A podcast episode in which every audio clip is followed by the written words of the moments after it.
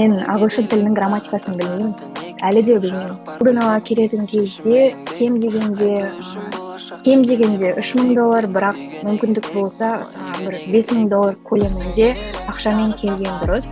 Сол бір ғана себеп үшін мен астанаға тапсырдым әйтпесе алматыда оқушы едім сен бірінші жасап көр сен барып көр шетелге шығып. Егер де саған ұнамаса сен үнемі қазақстанға қайтып келе аласың. Ал егер де сен ол шешімді қабылдамай жай осында қалып кеткен болсаң қазақстанда қалып кетсең онда ә, жаңағы бұрынғы өтіп кеткен шешімді қабылдауға уже кеш болып қалуы мүмкін. Сол үшін бірінші жасап көріңіз. Ә, жасап өкінген әлдеқайда жақсы.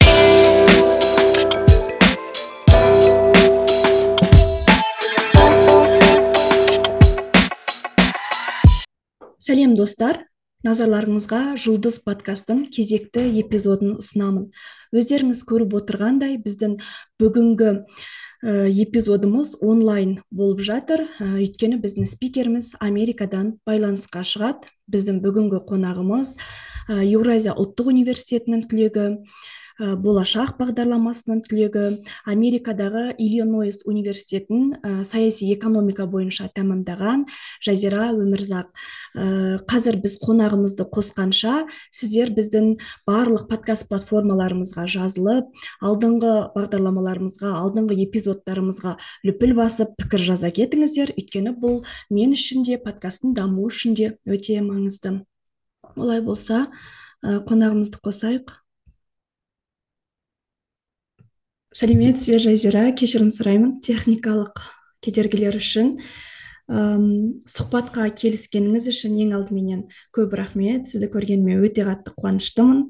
Ә, олай болса ә, сұхбатымызды бастасақ. Өткенде мен өзіңізге жазғанымдай мен сізді жаңағы 2013-14 жылдардан бері сол хабар телеарнасында көрсетілген 21 ғасыр көшбасшысы деген зияткерлік сайыстан бері қарай ә, теледидардан көрдім сіздің жаңағы сайыстарыңызды. Одан кейін әлеуметтік желілерден сізге жазылып әлі күнге дейін оқып келем.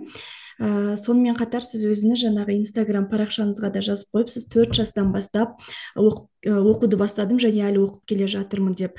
Ә, сондай бір білімге ізденіске деген ә, жаңа қызығушылық құлшыныс қалай басталды? Содан бастасақ ә, сәлем назира және назираның ә, оқырмандары тыңдармандары иә өзің айтқа, өзіңіз айтқандай мен кішкентай кезден бері білімге құштар болдым. Бірақ мені сабаққа үйреткен ең бірінші нәрсе ол жай ғана қарапайым қызғаныш болатын. Кешірім сұраймын. Менің туған ағам бар. Екеуміздің арамыз төрт жас. И ол мектепке барып бастаған кезде мен одан кішкентай болдым да нағыз жаңағы тодлер болады ғой. Не болса соны жұлып адамдардан жұлып жеп отыратын. Сондай болдым да и оның қолында қандай зат көрсем сол менде де болу керек болатын. Ол кітап оқыса ол кітапты мен де оқу керекпін бірақ оқу білмесем де. Солайынан мен оның әліппесіне таласып ең алға өз сол естеліктер әлі де есімде бар.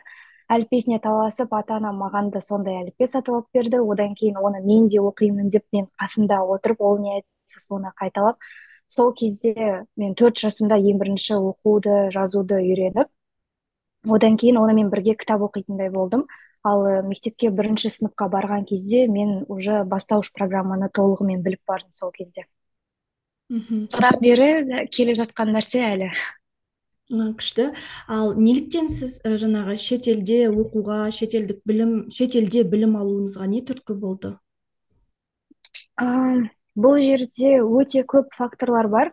Оның ең біріншісі мен кішкентай кезімде мектепте мен қарапайым мектепте оқыдым. Яғни қазір көп қой қазақ түрік лицейі яғни білім инновация лицейі ниш сияқты жаңағы престижді мектептерде мен оқыған жоқпын.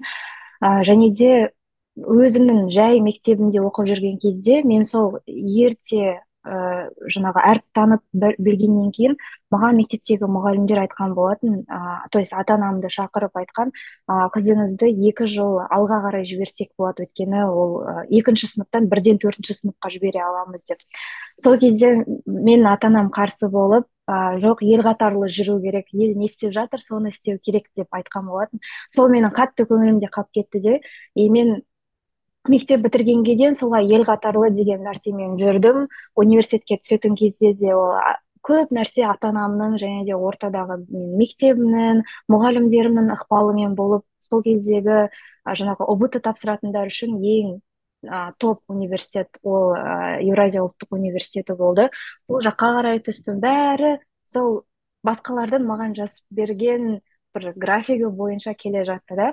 Бірақ бакалавриатқа келген кезде ғана мен шынымен көзім ашылды. Мен жан жағыма қарап өз өміріме өзім жауапкершілік ала бастадым. Достарымды көрдім. Олардың барлығы көпшілігі шетелде білім алып келді. Көп, көбісі сол қалай шетелге шықты шыққаннан оларда өмірлерінде өте үлкен өзгерістер бола бастады. Яғни позитивті өзгерістер. Мен соған қарап қызығып ә, солар сияқты ізденіп сұрастырып әркімнен консультациялар алып біреуге барып жазып өзім ізденіп солай. Солай ақыр соңында бакалавриатта мен қазақстанда оқығанмен де магистратурада міндетті түрде ә, шетелдік мықты университетте білім аламын енді бұрынғыдай ел қатарлы жүре бергім келмейді деген сол кезде бір қорытынды пайда болды. Солайынан қарап ізденіп америкадан бірақ шықтым. Мхм. Бірақ сіз америкаға бармастан бұрын назарбаев университетінде білім алдыңыз иә? Иә. Менде мынандай сұрақ болып тұр сіз сонда назарбаев университетінде оқып жүріп ә, параллельно болашаққа тапсырдыңыз ба? Әлде қалай? Өйткені иә.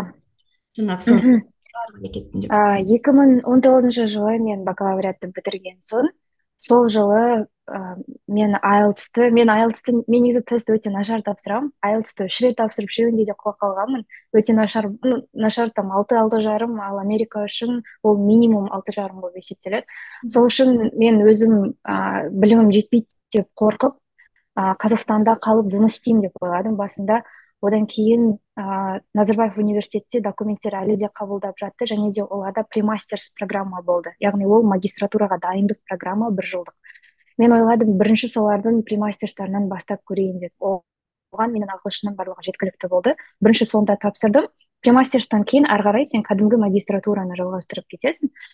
Сол ә, оқып жүрген кезімде ә, болашақ конкурсында ережелер өзгеріп жатты да карантин уақыты болды ғой ережелер өзгеріп жатты и барлығы барлық этап онлайн болатын болды деген шыққанда мен ойладым мынау менің ә, жаңағы мүмкіндігім мен бұны жіберіп алмау керекпін деп сол кезде мен онлайн ә, кезінде тапсырдым. Анау павлодарда ата анамның үйінде жатып сол жақтан мен документтерді жинап бастадым. Кейін астанаға келіп уже қалған этаптарын өте бердім. Солай ә, кейін назарбаев университеттен мен өз еркіммен кетіп ә, себебі болашақта ұтып алдым дедім да солайынан екінші университетке ауыстым. Мхм күшті. Ә, мен мынандай сұрақ қойғым келеді. Негізі мен де болашақ бағдарламасымен оқығым келіп документтерді жинап айлтс тапсырып бастадым да.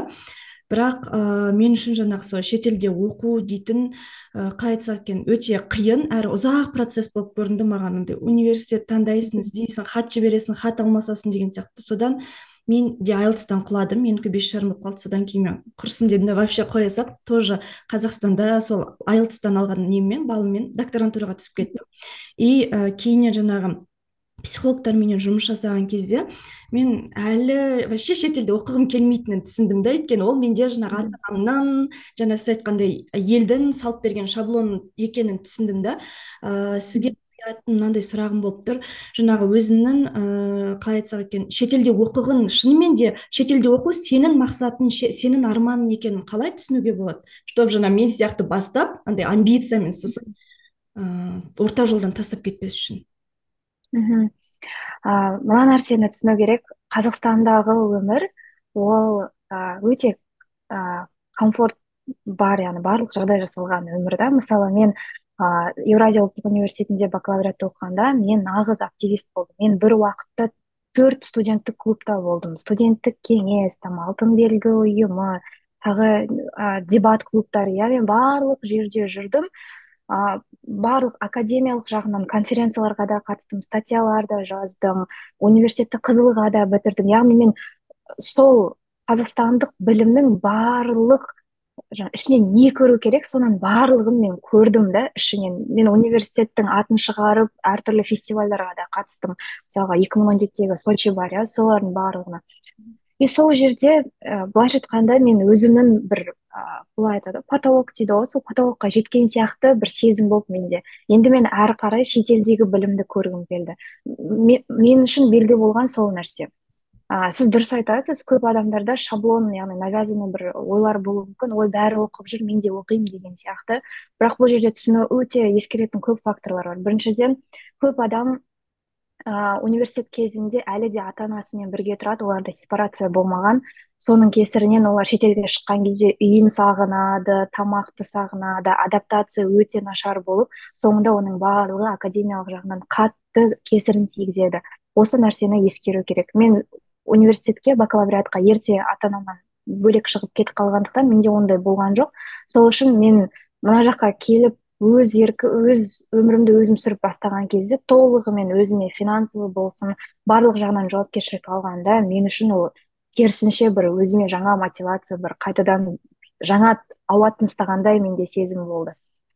Сол үшін ә, әркім өз өзіне сұрақтар қою керек деп ойлаймын. Ә, сен менталды түрде дайынсың ба? Бөлек шығып шетелде жалғыз өзің жүруіне өйткені жаңа айттым ғой қазақстандағы өмір комфорт деп. Өйткені сен кез келген уақытта туысқандарың бар достарың бар ата анаң бар. Кішкене бір нәрсеге қиналсаң барып біреуге өкпеңді айта қоясың. Ал шетелде жүргенде сен жалғызсың әрі кетсе бір екі досың болады. Сондықтан толық жауапкершілікті өзіңе алатын болғандықтан ол жерде кішкене ә, басқаша әрекеттер жасау керек басқаша ойлану керек болады. Ә, біздің енді подкаст ол негізінде жаңағы он төрт он жеті жастағы жасөспірімдерге арналған ғой. Сіз осы он бірінші сыныпты бітіргеннен кейін он жеті он сегіз жастағы жасөспірімдерге жастарға бірден шетелге оқуға түсуге кеңес берер ме едіңіз? А, бұл жерде мына нәрсені ескеру керек. Егер де сол он жеті жасқа дейін ол адам а, өзі мысалға қаржыны басқаруды үйренген болса ата анасынан бөлек өзі шешім шығара алатын болса және де ә, былай коммуникациясы жақсы адам болса онда ол қорықпай шетелге түсе алады. Сен бастысы адами қасиеттер ол қай жерде жүрсең де сол күйі өзіңде қалады ғой. Яғни сен кез келген адаммен тіл табысып кету адамдармен ә, жаңағы жақсы қарым қатынаста болу иә өзіңе көмек керек болса соны жеткізе алу деген сияқты. Және де топтық жұмыс жасау ол өте қатты маңызды. Мысалы ә, сен шетелге барған кезде ә, бір тапсырма болады иә? Ол әркім өзі жасау керек тапсырма болуы мүмкін бірақ ә, бастапқыда адаптация кезінде өте қиын барлық нәрсені жалғыз жасау. Сондықтан басқа студенттерге барып мысалы көмек сұрайсың немесе айтасың мынаны бірге оқиықшы тапсырмаға там лекцияға бірге дайындалайықшы деген сияқты. Сондай қарапайым ә, қадамдарды жасай алатын болса мектеп кезінде яғни өзінің сыныптастарымен жақсы араласа алатын болса шетелде де ондай адам далада қалмайды ол алып шыға алады. Ал егер де өте жасқаншақ ә, мектепте мүлдем ешкіммен сөйлеспейтін достары жоқ ә, сондай бір қатты интроверт болатын болса ондай адамдарға сәл сәл қиын болуы мүмкін адаптация жағынан. Ә, бірақ оның барлығын мен былай жүз пайыз осылай деп мен кесіп айта алмаймын. Себебі мүмкін интроверт болып жүрген адам шетелге шығып керемет ода бір вдохновение болып күшті болып кетуі де мүмкін иә. Сондықтан ә, менің үнемі ойымда ұстанатын бір қағидам бар. Ол ә, жасамай өкінгенше жасап өкінген артық деп. Сондықтан сен бірінші жасап көр сен барып көр шетелге шығып егер де саған ұнамаса сен үнемі қазақстанға қайтып келе аласың. Ал егер де сен ол шешімді қабылдамай жай осында қалып кеткен болсаң қазақстанда қалып кетсең онда ә, жаңағы бұрынғы өтіп кеткен шешімді қабылдауға уже кеш болып қалуы мүмкін. Сол үшін бірінші жасап көріңіз ә, жасап өкінген әлдеқайда жақсы. Мхм. Ә, тәуекел түбі жел қайық мінесің де кетесің дейсіз ғой. Иә. Ә, сіз қазір ә, сонымен қатар ә, жаңағы шетелдік оқу орындарына оқуға түсуге көмектесесіз кеңес бересіз ғой. Ә, сізге көбінесе қандай сұрақтармен келеді? Жаңағы ылғи да қайталанатын бір топ үш сұрақтар бар ма? Ең көп сұрақтар маған болашақ туралы келеді өйткені өзім болашақпен оқығандықтан. Ә, болашақтың ережелерінде ә, маңызды нәрселердің бірі ол ә, кепілге үй қою үй немесе жылжымайтын мүлік қою сол нәрсені көбісі сұрайды. Ол болмаса мен сонда бара алмаймын ба онда ол қалай болады деген сияқты өте көп сондай спецификалық сұрақтар қояды. Бірақтан болашақ бойынша ондай нәрсе жоқ. Егер де өз атыңда үйің болмаса қоймай да бара беруге болады. Бірден жауап бере салайын иә. Екінші қойылатын сұрақ ол шетелде оқу қиын ба? Қазақстанға қарағанда осы нәрсені сұрайды. Ә, меніңше қиын оңай деп айту үшін әр адамның өзінің бір меркасы болады ғой. Олай айту үшін саған не нәрсе қызықты соны біліп алу керек. Мысалы ә, бір сабақ басқалар үшін өте қиын болуы мүмкін ол сіз үшін де қиын болуы мүмкін. Бірақ сіз сол пәнге қатты қызықсаңыз сізге оның қиыншылығы байқалмайды. Яғни осылай осындай перспективадан қарау керек та. Мысалы менің басымда өтті бізде game theory деген ә, теория игр деген сабақ болды. Ол өте қиын предмет болатын профессоры да өте қиын кісі болатын. Мен сол сабақты прям өліп оқыдым. Бірақ менің ә, бас, группамдағы басқа адамдар үнемі таң қалатын жазира сен қалай оқисың мына сабақты? Қалай сен мынадан миың ашып кетпейді? деп. Ал мен айтатын мен білемін қиын екенін бірақ ол маған қызықты. Сол үшін мен оның қиыншылығын елемеймін дәл солай ә, шетелдегі оқу өте көп сабақ қиын болғанмен де оны компенсировать ететін нәрселер көп. Яғни сенде әрқашан саяхаттауға мүмкіндік үнемі қайда жүрсең де жаңа нәрсе ә, және де өте әртүрлі елдерден жиналған өте көптеген адамдар шоғырланған орта ә, көп нәрсе жаңа болғаннан кейін сенде бір үнемі ішіңде бір адреналин болады сол қиыншылықтардың барлығын ә, басып өтуге көмектесетін. Ә, үшінші топ сұрақ меніңше ә, так вот болашақ туралы шетелде оқу туралы ну одан кейін ең көп сұрайтын нәрсе мүмкін ыыы қалай түсу енді оның барлығы механикалық сұрақтар жаңағы менің там бағаларым осындай төмен қалай түссем болады анау қалай мынау қалай деген сияқты. Оның барлығына мен инстаграмда былай пост ретінде жазып кішкене жиі қойылатын сұрақтарға солай жауап беруге тырысамын ал қазір ең оңай жол ыыы гугл мхм. Жақсы. Ә, сізге жаңағы сол сұрақтармен келетіндердің көбісінің жасы қандай? Екі мыңға дейінгілер көп жаза ма? Жоқ екі мыңнан кейінгілер қызығушылық таныта ма? Мен магистратура оқығандықтан маған көбіне осы жиырма жастан ары қарай жоғарырақ жазады. Өйткені көбісі сол мен сияқты магистратураға немесе докторантураға түскісі келетіндер. Бакалавриат бойынша онша көп хабарласпайды. Хабарласса да мен әлі олай бүйтіп тек қана бакалавриатқа консультация беріп көрмеппін. Себебі олардың экзамендері сәл басқаша. Оларда SAT деген сияқты экзамендер тапсырады. Ә, және айтпақшы бір жаңалық айта салайын. Болашақ бойынша бұрын тек қана магистратура докторантура қаржыландырылса 2024 жылдан бастап саясат нұрбек мырзаның айтуы бойынша енді бакалавриат та қаржыландырылады. Сондықтан егер де мектеп оқушылары мен бакалаврды шетелде оқимын дейтін болсаңыздар қазірден бастап болашақтың ә, сайттарының барлығын жаңағы мониторинг жасап қарап жүріңіздер бір күні ол жаңалық шығуы керек. Өйткені ресми түрде оны саясат нұрбек өзі айтқан болатын. Мхм жақсы. Ә, олай болса шетелден кішкене қазақстанға оралайық. Ә, сіз ә, мемлекеттік басқа ә, мемлекеттік және жергілікті басқару деген мамандықты еуразия ұлттық университетінде оқыдыңыз иә? Осы тұста мамандық таңдау және университет таңдауда сіз қандай критерийларды қолдандыңыз? Мхм ә, профориентация мен үшін қатты қиын болған жоқ. Себебі мектеп кезінде соңғы мектептің соңғы үш жылында мен немен айналыстым? Көбіне соған қарадым. Менің қандай қасиеттерім бар? Мен дәл қазір не нәрсеге қызығушылығым бар? Және де сол қасиеттерімді мен университетте қолдана аламын ба? Яғни қасиеттерімде қабілеттерім ғой навыки.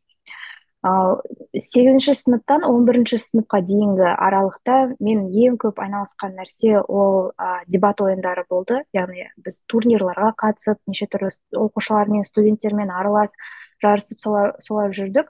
Ә, сол кезде менде ораторлық қабілеттер жақсы дами бастады.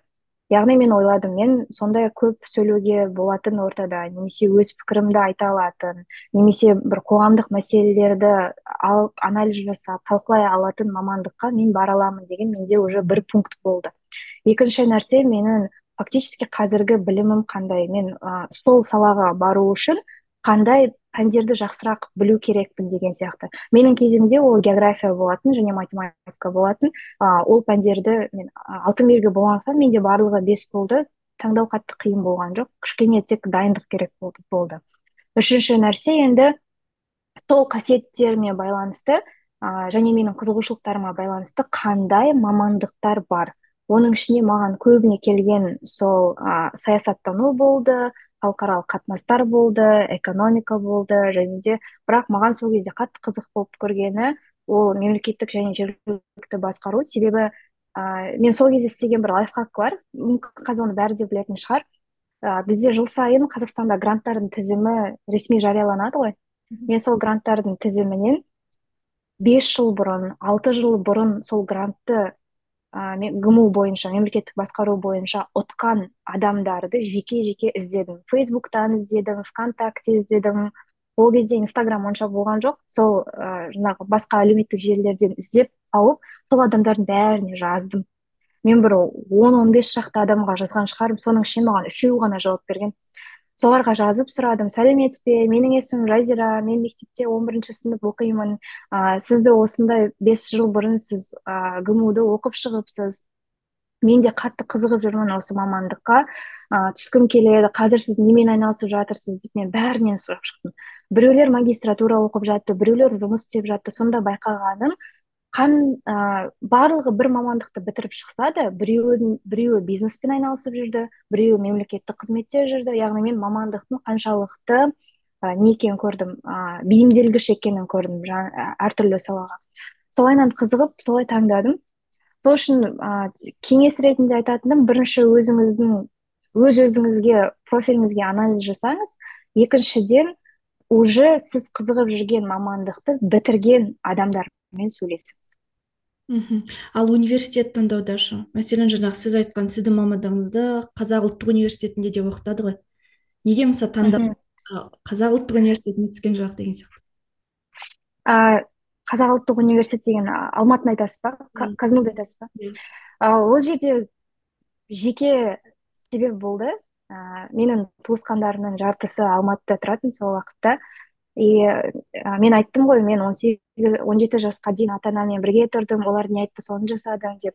И маған мектеп бітірген кезде енді результатым бәрін алдым. Біліп тұрмын қай жерге тапсырсам да грантқа түсе алатынымды сосын маған ата анам әкем айтады о жақсы болды сен алматыға тапсыр біздің бүкіл туысқандарымыз сонда солармен бірге тұрасың деп. Мен ойладым егер де мен бір үйден екінші үйге барғаннан менің өмірімде ештеңе өзгермейді маған жалғыз тұрып үйрену керек деп. Сол бір ғана себеп үшін мен астанаға тапсырдым әйтпесе алматыда оқушы едім. Байқап отырсам бұл да бір тәуекел сияқты ғой яғни ә, кішкентай қыздың бір өзі жалғыз өзі үлкен қалаға баруы. Ә, осы тәуекелге бару туралы қорықпау туралы жаңағы ә, армандарға мақсат өзінің арманы үшін тұрып беру туралы да айтып өтсеңіз. Өйткені қазір жастар ә, қалай айтсақ жастардың ба жасөспірімдерге енді мамандық таңдауда ата аналары туыстары көмектеседі. Көмектеседі или болмаса таңдатқызады және олар ә, қарсы шыға алмайды ойларын дәлелдей алмайды осы жағынан. Мхм ә, тәуекел болғанда мен айтпас едім өзімді тәуекелге бейім адаммын деп. Мен үнемі алдын ала ойланып егер де менің ойымда сол шешім ә, бір кемінде тоқсан пайыз жұмыс жасап тұрса ғана мен сондай үлкен қадамға бара аламын да. Мысалы болашаққа тапсыр мен назарбаев университетті тастаған уақытта да болашақпен шетелге кеткен уақытта да барлығындағы риск менде ол алдын ала ойлаудан кейін пайда болған үлкен шешімдер болатын. Ал ә, оқушыларға айтатыным ата анаңыз сізді қандай күйіңізде де қабылдайды. Ә, бұл жерде бастысы қандай жолмен болсын ата анаңызға өзіңіздің шешіміңіз сіз үшін жақсы екенін дәлелдеуге тырысу керек.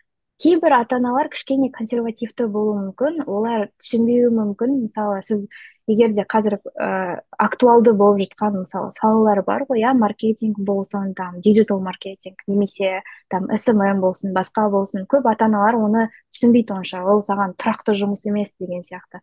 Егер де сіз өзіңізге сенімді болып тұрсаңыз ә, кәдімгідей білмеймін презентация жасайсыз ба креативтілікті қосып кәдімгі ә, барлық ақпаратты жинап ата ана ата анаға көрсету керек.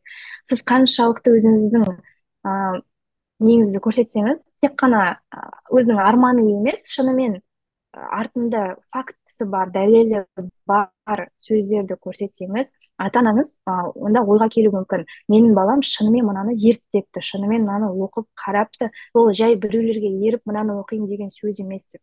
Олар өйткені қорқады сіздерді елікпе әркім көріп алып сол нәрсені істегісі келеді деген сияқты. Сол үшін жаңағы шаблон емес шынымен өз ойыңыз екенін дәлелдесеңіз меніңше ата ананы көндіруге болады.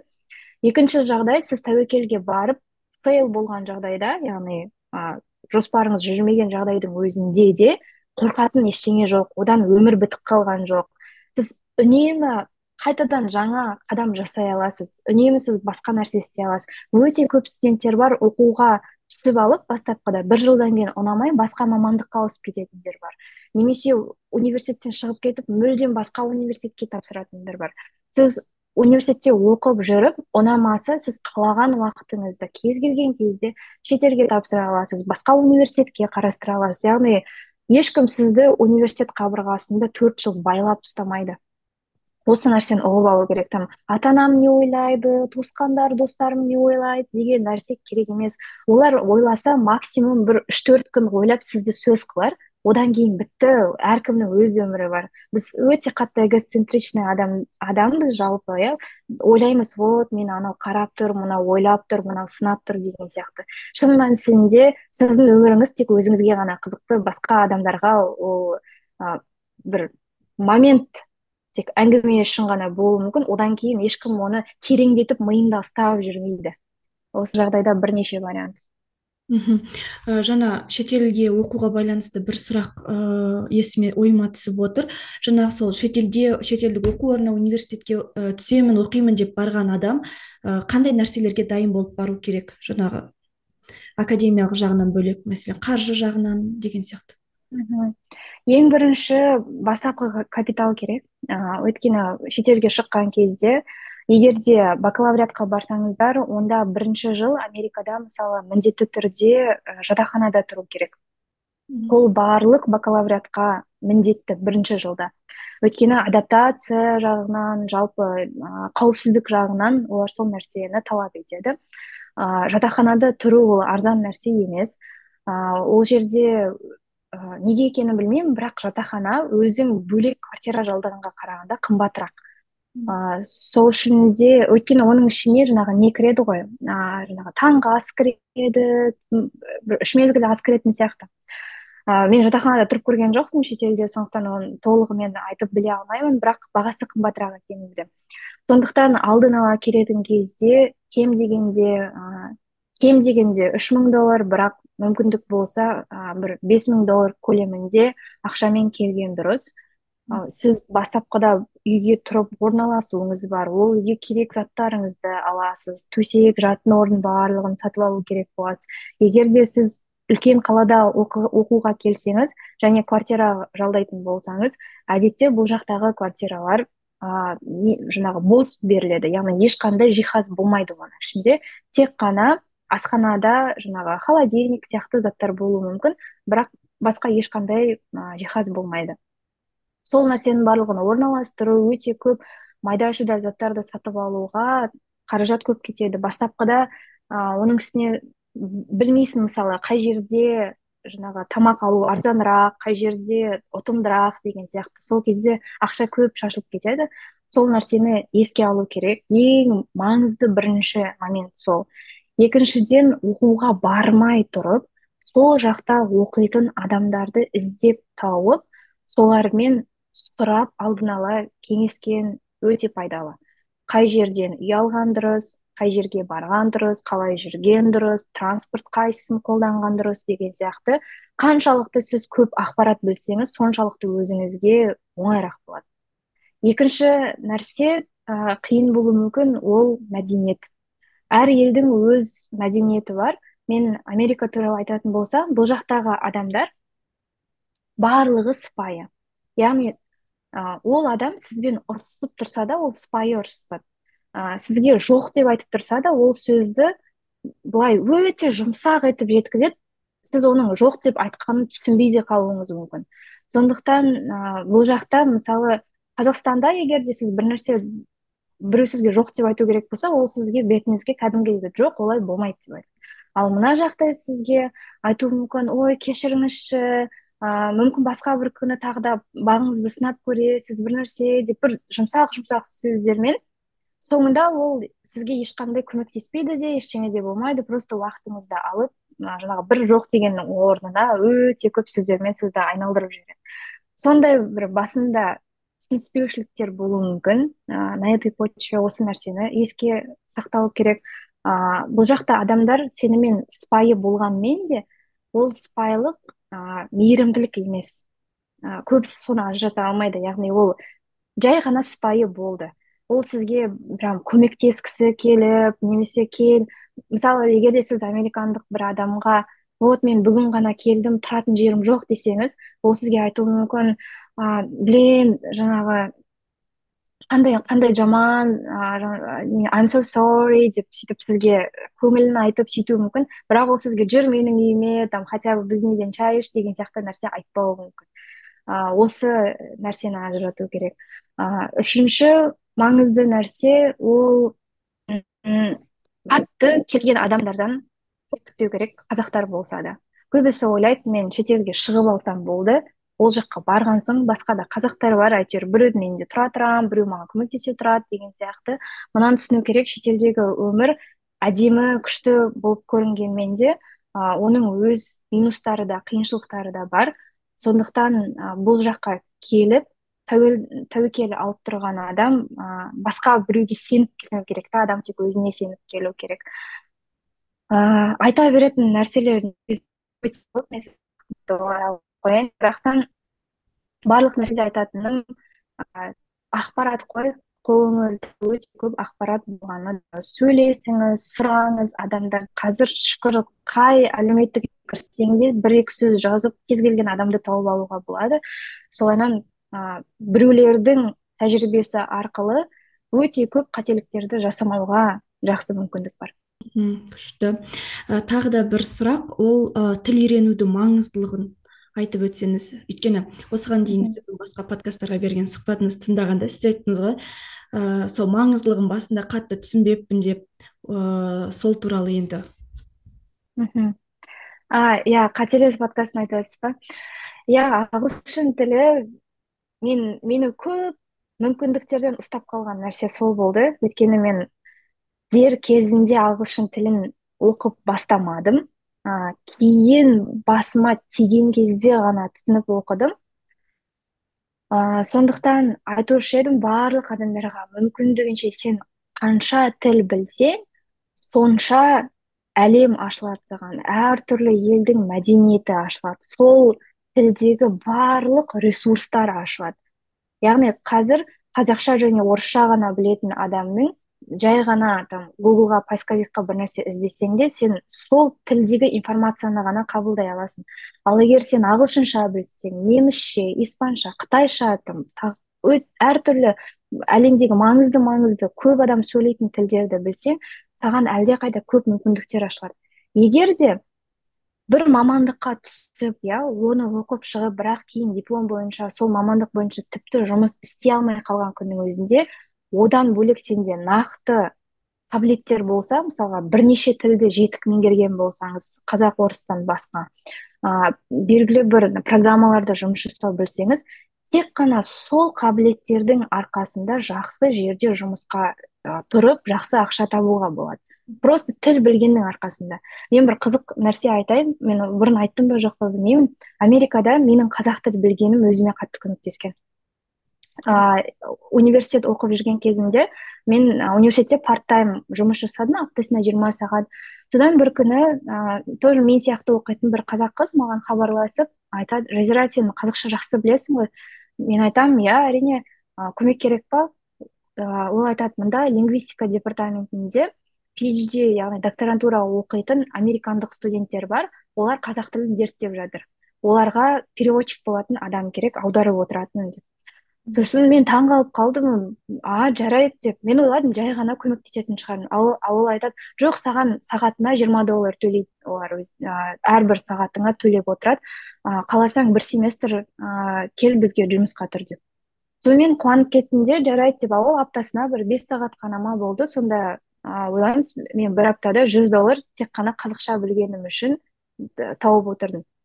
Америкада жүріп қазақша білгенім үшін да ойлаңызшы қазақстанда жүріп сен қазақша білгенің үшін қаншама мүмкіндіктер бар. Солай ә, сонда жаңағы мүмкіндік маған мен күтпеген ойламаған жерден келді.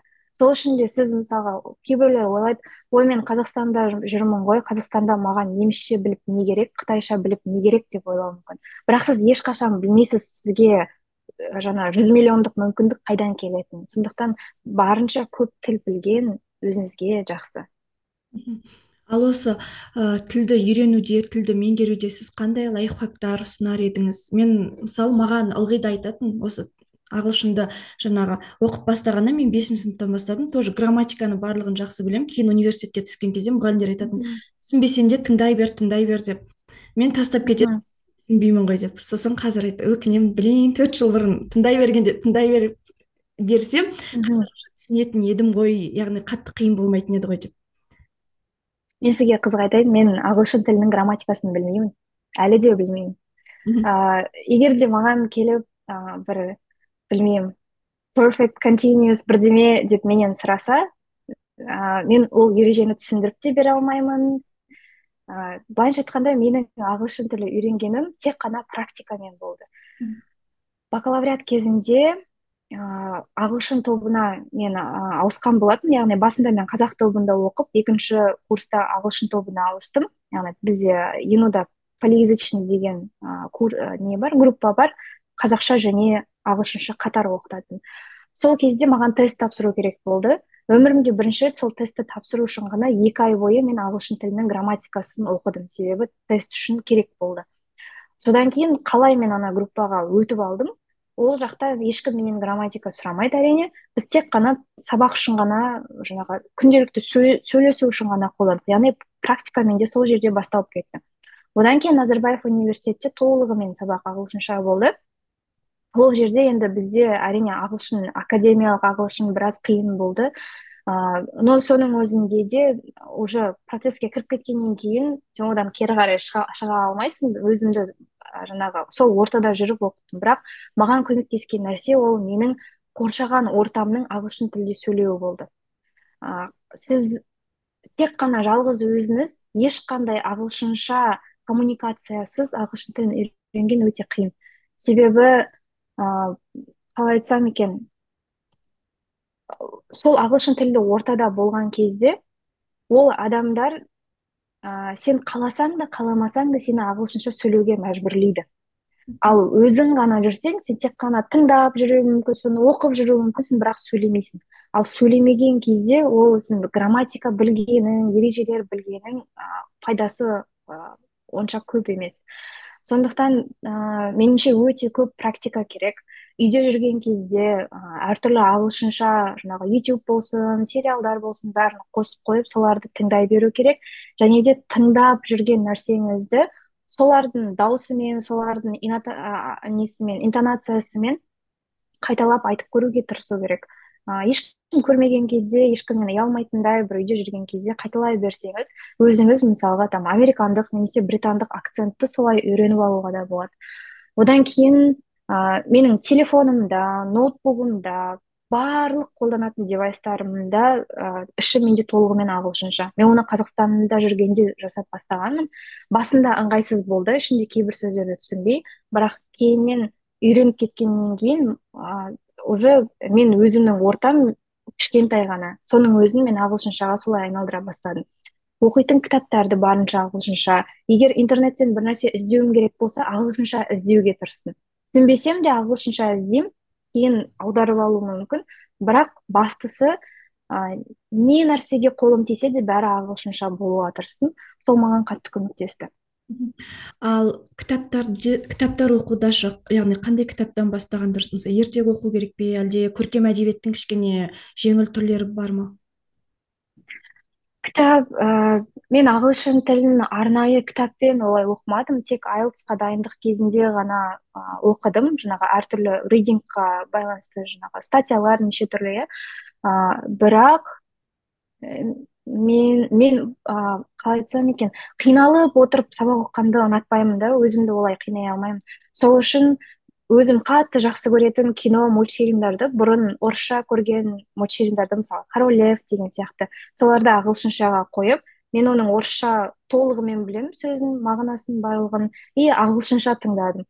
Сонда ә, мен олардың не айтып жатқандарын өзім бұрынғы орысша қалған мультфильмнің естеліктерінен сол ағылшынша қазір тыңдап отырған ә, диалогтармен сәйкестендіріп солайынан түсіне бастадым. А мынау былай екен ғой мына жерде былай айтуға болады екен ғой деген сияқты. Ә, және де субтитрлар қосу арқылы яғни бір жағынан сол фильмді көріп отырамын екінші жағынан астындағы сөздерін оқып отырамын.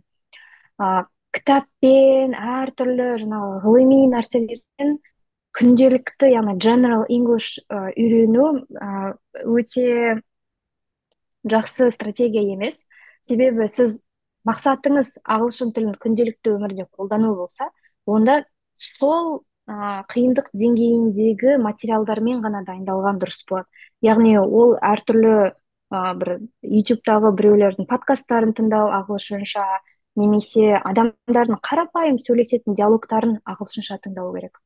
Ал ә, менің мақсатым ағылшынша сөйлеп үйрену деп мен ал қиын қиын ағылшынша кітаптарын оқитын болсам ол сөздерді мен шын өмірде қолдана алмаймын. Мхм ә, қарап отырсам жазира сізде стратегиялық қабілет жақсы дамыған сияқты. Және сізді мен бұрыннан оқып қараймын ғой мәселен сіз қазір ыыы қалай айтсақ екен тіл тасқа сіз мысалға оқуменен қатар отбасын құрдыңыз кішкентайыңыз бар яғни сіз ыыы өмірді қалай жаңағы жоспарлайсыз? мәселен кейбіреуінде тек қана карьера жақсы жолға қойылуы мүмкін жеке өмір қалып қалады деген сияқты. Кейбіреуі мындай балаларым бар отбасым бар мен шетелде оқи алмаймын деп жатады ғой. Ал сізде тт барлығын сіз параллельно жақсы ұстап келе жатсыз. Қалай жоспарлайсыз? Менде арнайы бір стратегия жоқ. Осындай кезде мен балам болады осындай кезде үйленемін деген сияқты. Бірақ үнемі ә, мида менде мына нәрсе болатын. Ә, өзіме ойланған кезде алдағы бес жылда мен не істеймін деген кезде мысалы мен бакалавриатты оқып жүрген кезде үнемі мындай ой болатын.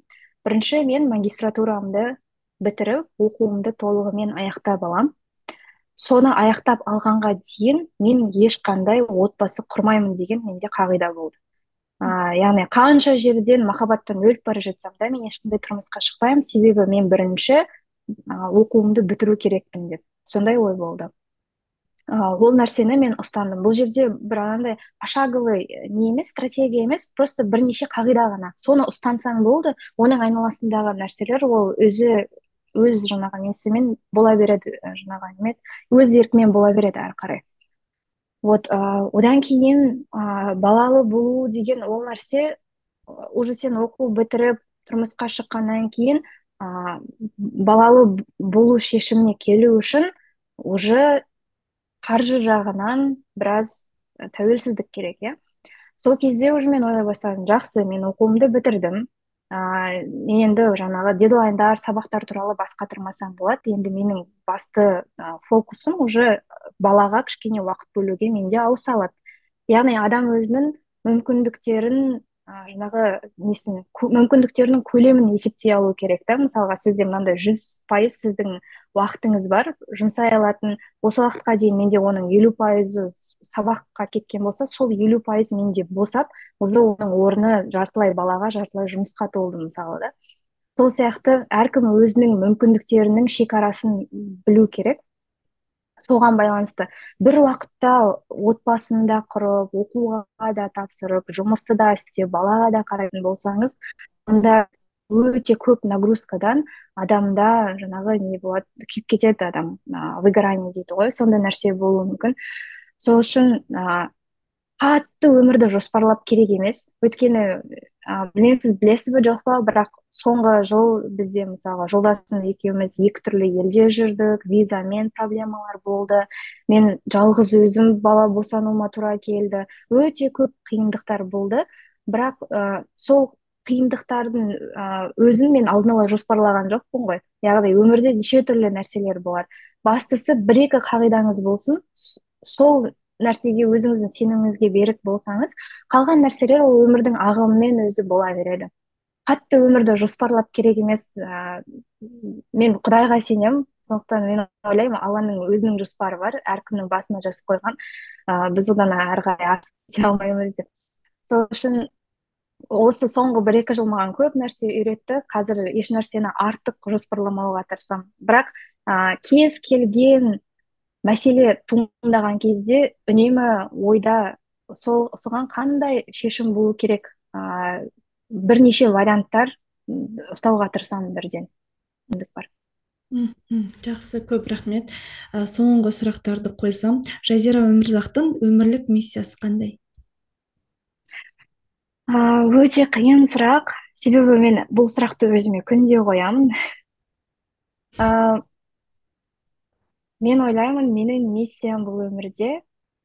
Өзім ә, қай ортада жүрсем де сол ортаны ә, кішкене де болсын жақсыға ауыстыру. Ә, мен бөліскенді қатты ұнатамын. Ә, қай жерде болмасын адамдарға артығымен беруге тырысамын. Ә, біреу бір сұрақ қойса мен бірден оған он түрлі жауап беруім мүмкін барлығын ә, ештеңе ұмытып қалмайтындай. Сондықтан мүмкін ә, мен өмірімде осы білім саласымен көп араластыруым мүмкін болашақта мүмкін ә, қазақстан мен қазақстанда өзім өмір сүргім келеді кейін. Сондықтан мүмкін мен қазақстанның білім саласында жүріп қалуым мүмкін немесе экономиканың именно халықаралық қатынастар халықаралық сауда жағында немесе қай жерде болмасын именно коммуникация жағынан ортаны жақсарту қарым қатынасты жақсарту менің адамдармен сөйлесу адамдар арасындағы мәселелерді шешу менің қолымнан ең жақсы келетін нәрсе. Ә, бірақ әлі мен толық өз қабілеттеріме қолдана алатын жерді тапқан жоқпын. Сондықтан өмір бақи ізденісте өтемін деп ойлаймын. Ә, қай жасқа келсем де маған сен кімсің мақсатың қандай десе миссияң қандай десе мен үнемі ұзақ ойланатын сияқтымын бұл сұраққа. Себебі адам ә, біз губка сияқты не нәрсе жаңағы оқысақ соны сіңіре береміз ғой өмір бойы. Біз өйткені біздің миымыздың несі өте үлкен ә, жаңағы жұмыс жасау мүмкіндігі ә, көлемі өте үлкен. Оған қаншама триллиардтаған ақпараттар сияды сондықтан ә, білім алудан ізденуден өзіміздің қабілеттерімізді сынаудан ә, тағдырымызды сынаудан ә, шаршамаймын. Мхм күшті керемет. Соңғы сұрақ он бес жастағы жазираға қандай кеңес бересіз? он бес жастағы жазираға мен он бес жаста не істедім? он бес жаста мен мектепте болдым активист болдым айтушы едім. Жан жақтағы әртүрлі пікірлерге назар аудармау ең басты осы нәрсе. Өйткені менде мектеп кезінде өте көп буллинг болды ә, мен мектепте томпақ болдым мені сыныптастарым мазақтайтын маған айтатын сен өскен кезде толық боласың сені ешкім жақсы көрмейтін болады деп. Әлі сол сөздер менің миымда мысалы иә. Вот сондай нәрселерді қатты көңіліме алып қалатынмын сол кезде. Ә, сол үшін айтушы едім ешкімнің сөзін назарға алмау керек. Ойыңа не келеді соны жасай беру керек. Барлығымыз өмірді бір рет қана сүреміз. Ә, яғни осы өмірді иә жалған өмірді. Бұл жерде әркімнің де қателік жасауға қателесуге мүмкіндігі бар. Яғни әркімнің құқығы бар қателік жасауға. Сондықтан қанша қателік жасасаңыздар да жал, бастысы басқаларға зияны тимейтін қателік болса онда тұрған ештеңе де жоқ. Мамандық таңдаудан қателесіп ештеңе етпейді жар таңдаудан қателесіп ештеңе етпейді. Оның барлығы ауыса беретін жөнделе беретін нәрсе.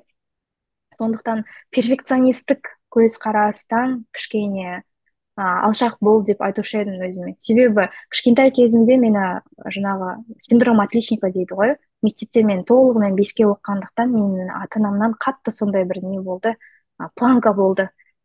Егер де мен бір күн сабақтан төрт алып қалсам мен папам бетіме қарамайтын мысалы айтатын неге бес емес деген сияқты маған қосымша сұрақтар пайда болатын да. Сол үшін төрт алған күні мен ұялып бүйтіп ұялып ешкімге көрінгім келмей деп бұрышта сөйтіп жүретін. Сондықтан барлық оқушыларға айтушы едім ә, мектептегі баға ештеңені шешпейді. Ә, ұбт ның нәтижесі сіздің өмірлік жаңағы неңізді шешпейді жаңағы қаншалықты успешный боласыз сол нәрсені шешпейді. Барынша өмірге құштар болыңыздар білімге құштар болыңыздар қателік жасаудан қорықпаңыздар. Өйткені сіздер әлі жассыздар әлі өмірлеріңіз алда көп нәрсені көріп ә, біліп үлгеру керек. Мысалы мен қазір жасым биыл жиырма беске келдім ба мен артыма қарап көп нәрсеге әлі де өкінемін. Неге мен ананы істемедім неге мынаны істемедім деп.